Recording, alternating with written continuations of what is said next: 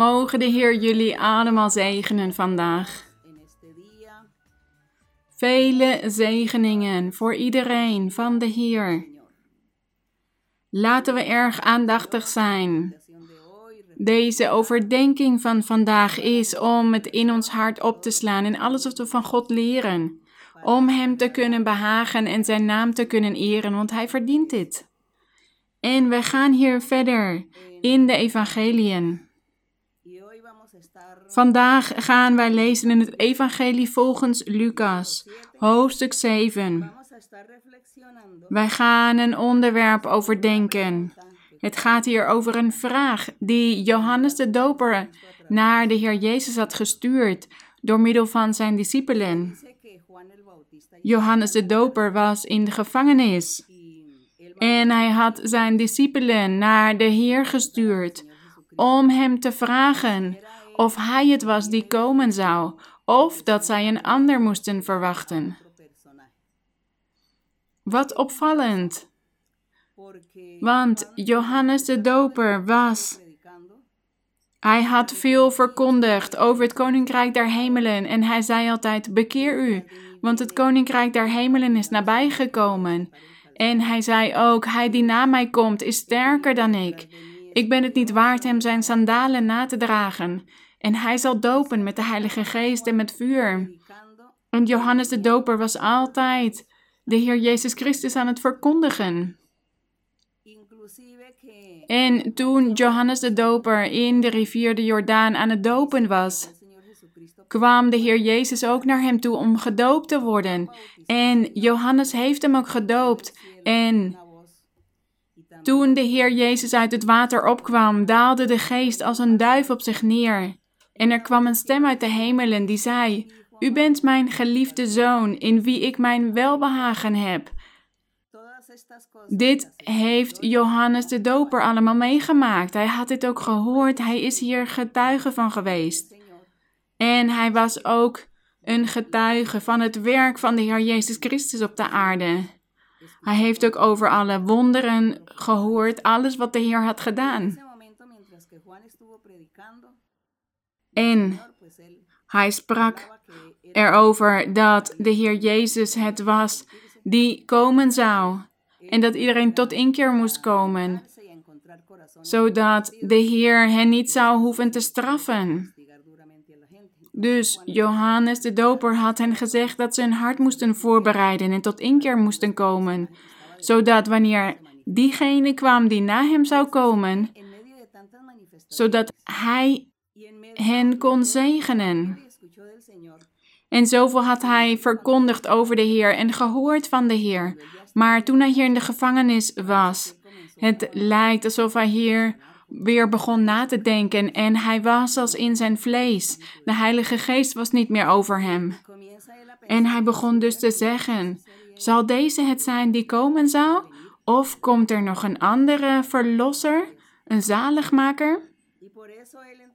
En daarom staat hij in vers 18 van Lucas hoofdstuk 7. San Lucas Hoofdstuk 7 van Lucas, vers 18. dice que los discípulos En de discipelen van Johannes eh, berichten hem over al die dingen. En nadat Johannes twee van zijn discipelen bij zich geroepen had, stuurde hij hen naar Jezus met de vraag: Bent u het die komen zou? Of verwachten wij een ander?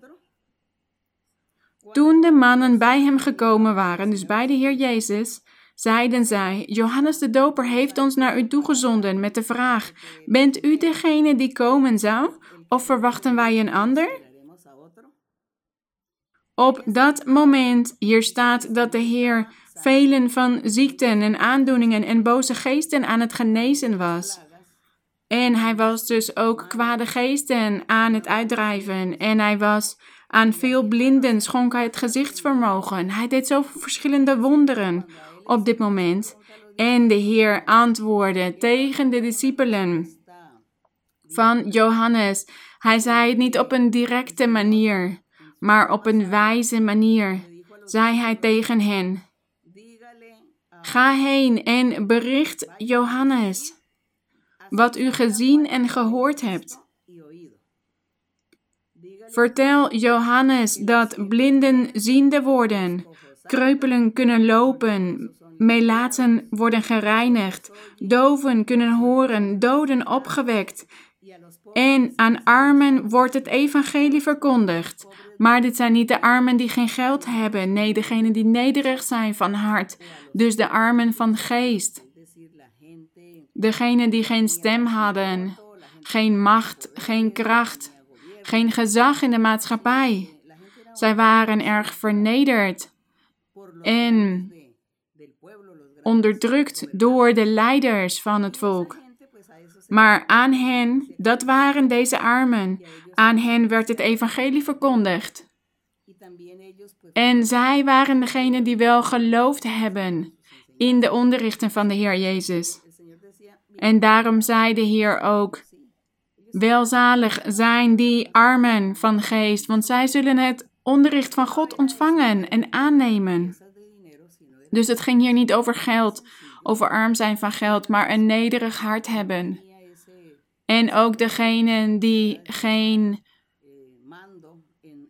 die geen belangrijke plek hadden in de maatschappij, die niks te zeggen hadden. En dit was dus wat de Heer Jezus tegen de discipelen van Johannes had gezegd.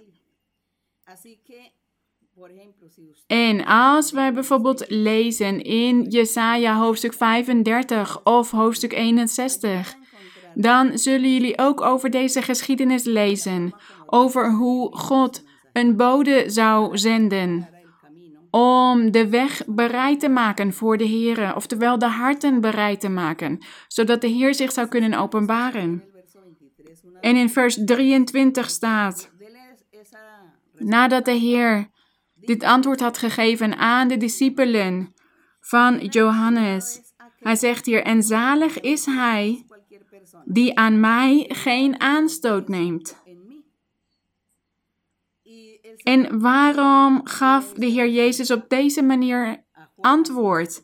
Waarom gaf hij niet een direct antwoord aan Johannes? Waarom deed hij dit op een connotatieve manier? Waarom zei hij niet gewoon, ja, zeg maar tegen Johannes dat ik het ben, dat ik de gezant van God ben, de koning, de verlosser, de Messias, de zaligmaker. Nee, hij zei juist, de blinden worden zienden, de kreupelen kunnen lopen, de melaatsen worden gereinigd. Waarom? Omdat Johannes de Doper een profeet was. En we lezen bijvoorbeeld in Jesaja dat God had gezegd dat hij in de laatste dagen of in de toekomst dat hij zijn bode zou zenden die de weg bereid zou maken en dat wanneer de Heer Jezus op de aarde zich zou openbaren, daar in Juda, in, in Jeruzalem, dat de Heer wonderen zou verrichten, dat hij deze wonderen zou verrichten, dat kreupelen zouden kunnen lopen, dat melaatsen gereinigd zouden worden, dat doven weer zouden kunnen horen, dat doden opgewekt zouden worden. Al die wonderen, die had hij al aangekondigd. Dat had God door middel van de profeten in de oudheid al aangekondigd. En Johannes was een profeet. Dus hij wist dit. Hij had hier kennis van, van de schriften. En daarom gaf de Heer Jezus Christus hem dit antwoord. Hij zei niet, zeg maar tegen hem dat ik het ben. Nee, zeg maar tegen hem dat de blinden ziende worden, dat de kreupelen kunnen lopen, want hij zal het begrijpen. Johannes zal dit begrijpen, dat ik het dus ben. Dat ik die persoon ben die zij aan het verwachten waren. Want zo staat dit geschreven in de profeten, dat dit de tekenen zouden zijn, het bewijs. Dat wanneer de Messias zou komen, dat hij deze wonderen zou verrichten en deze tekenen. Dat was het bewijs, zodat iedereen zou geloven in de Messias, in de zaligmaker vanwege deze wonderen. Dus dit was het antwoord voor Johannes de Doper. De Heer Jezus dacht: Ja, Johannes kent de schriften. Ik hoef hem niet op een directe manier uit te leggen. Hij is een goede luisteraar en hij begrijpt het als ik het op deze manier tegen hem zeg. Johannes zal het begrijpen, want hij kent de schriften. En de discipelen zijn toen weer teruggegaan naar Johannes om het antwoord door te geven. En in vers 24 staat: Toen de boden van Johannes weggegaan waren, begon de Heer Jezus tegen de menigte over Johannes te zeggen. Hij zei: Waar bent u in de woestijn naar gaan kijken? Wat hebben jullie daar gezien? Naar een riet dat door de wind heen en weer bewogen wordt? Of wat hebben jullie gezien? Naar waar bent u gaan kijken? Naar iemand in kostbare kleren gekleed? En de Heer zei: Nee, jullie hebben niemand in kostbare kleren gezien. Het was niet iemand die in kostbare kleren aan het verkondigen was. Want degenen die prachtige kleding dragen en in wilde leven zijn in de paleizen. Dat zijn die koningen en mensen van die koninklijke familie. Dus wat hebben jullie gezien in de woestijn? Een eenvoudig persoon. Dat was wat de Heer aan alle mensen vroeg. Vers 26. Maar waar bent u dan naar gaan kijken? Naar een profeet? vraagt de Heer. En hij zegt: Ja, ik zeg u, zelfs naar veel meer dan een profeet. Meer dan een profeet was Johannes. Johannes was een profeet. Ja, maar de Heer zei: Ik zeg u, zelfs naar veel meer dan een profeet. Dat komt omdat Johannes die stem was van iemand die roept in de woestijn.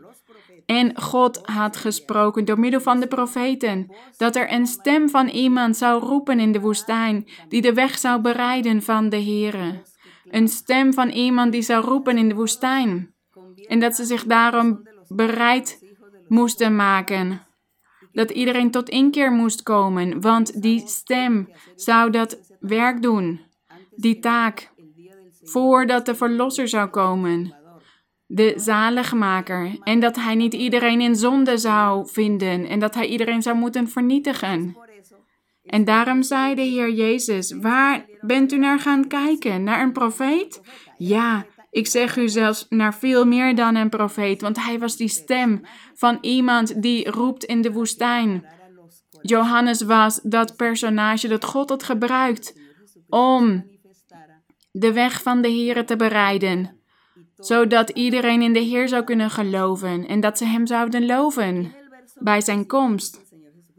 En in vers 27 staat: Deze, dus Johannes, deze profeet is het over wie geschreven staat.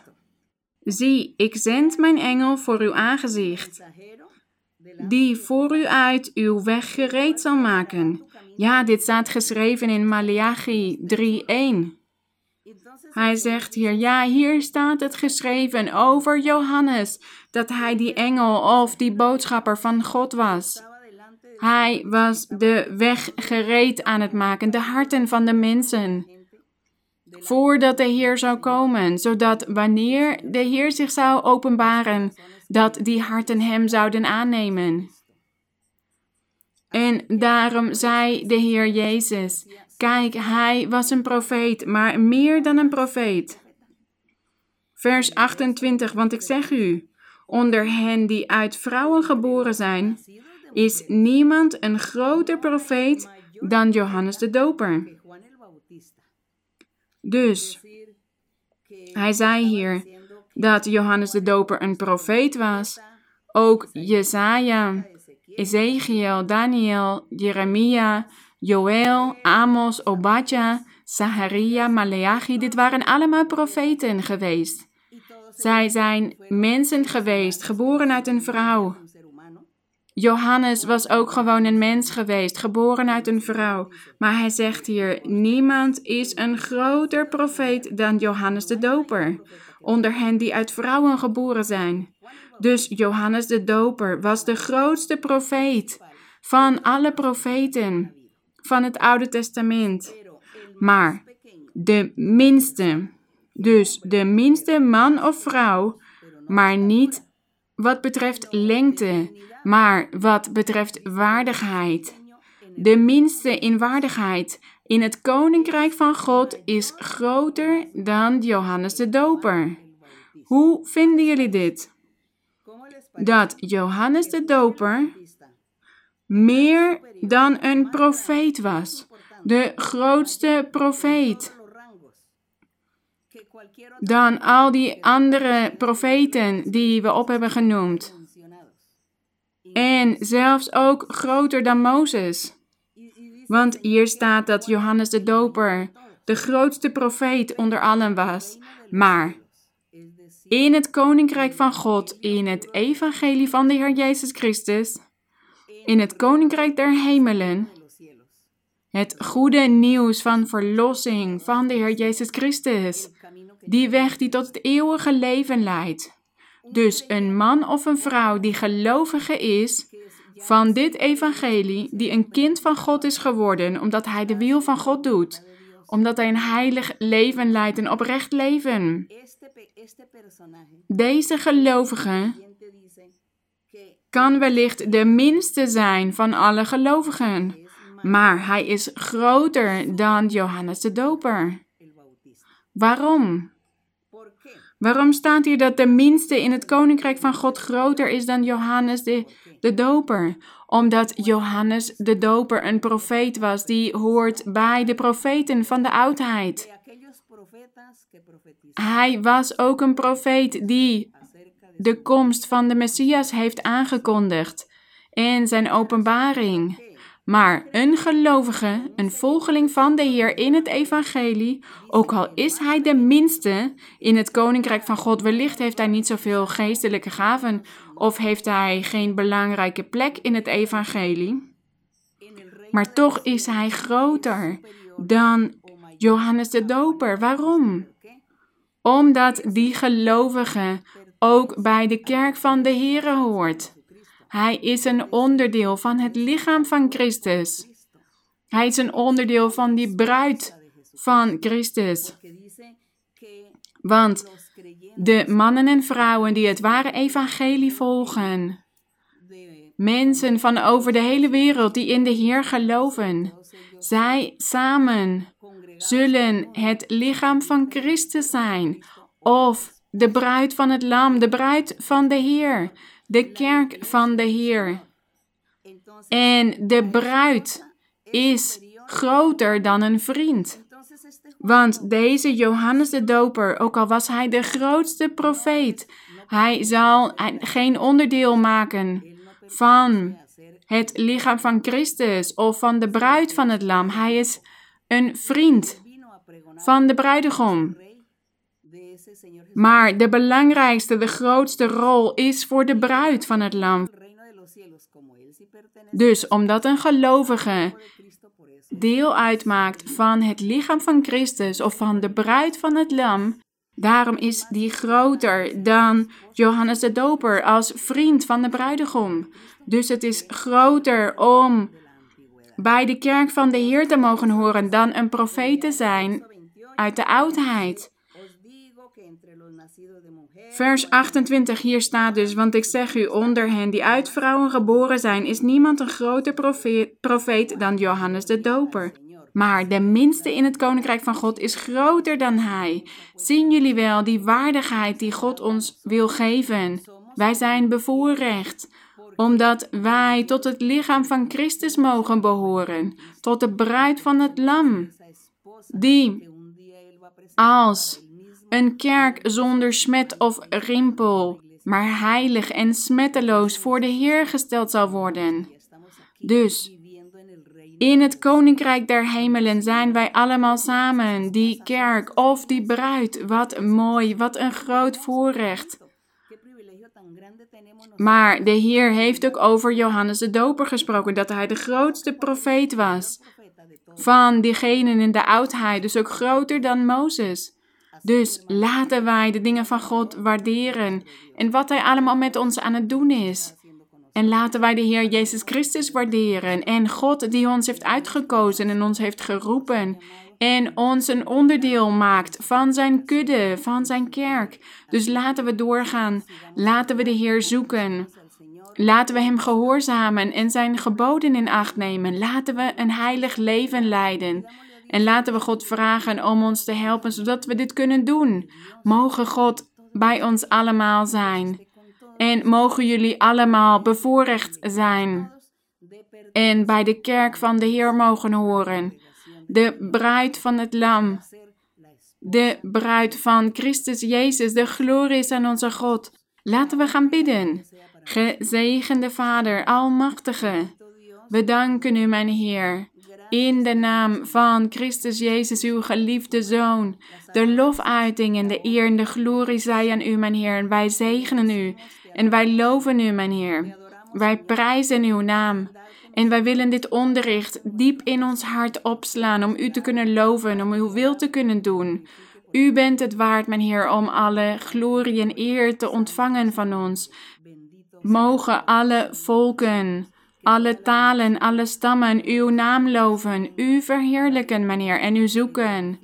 En mogen zij voelen dat er een ware God bestaat, een God in geest en waarheid. En dat ze u allemaal loven en eren, want u bent lovenswaardig, mijn Heer. En mogen iedereen u leren kennen, mijn Heer, en mogen zij uw bestaan erkennen. Erkennen dat er een bovennatuurlijk wezen bestaat dat over alles heerst. En ik vraag u, mijn Heer, om uw krachtige hand uit te strekken, met liefde, met barmhartigheid, over elke man, elke vrouw die ziek is, die zwak is, die slaven zijn geworden van de duivel, door bezweringen, door kwade geesten, onreine geesten. En kijk ook naar al die ziekten in de lichamen. Bevrijd, mijn Heer, en reinig, zuiver en neem pijn weg, mijn Heer. En troost alle verdrietige harten, mijn Heer. En neem conflicten weg uit de families, geschillen, verbitterdheid, verdriet, verachting, gebrek aan liefde, mijn Heer. En huichelarij, ontrouw. In de huwelijken, in de echtparen, in de families. Bevrijd en geef vrede. En neem al het kwade weg en geef vreugde en blijdschap, want u bent die vreugde, mijn Heer. Gezegende God, strek uw hand uit en doe wonderen, mijn Heer. Alle soorten wonderen, mijn Heer.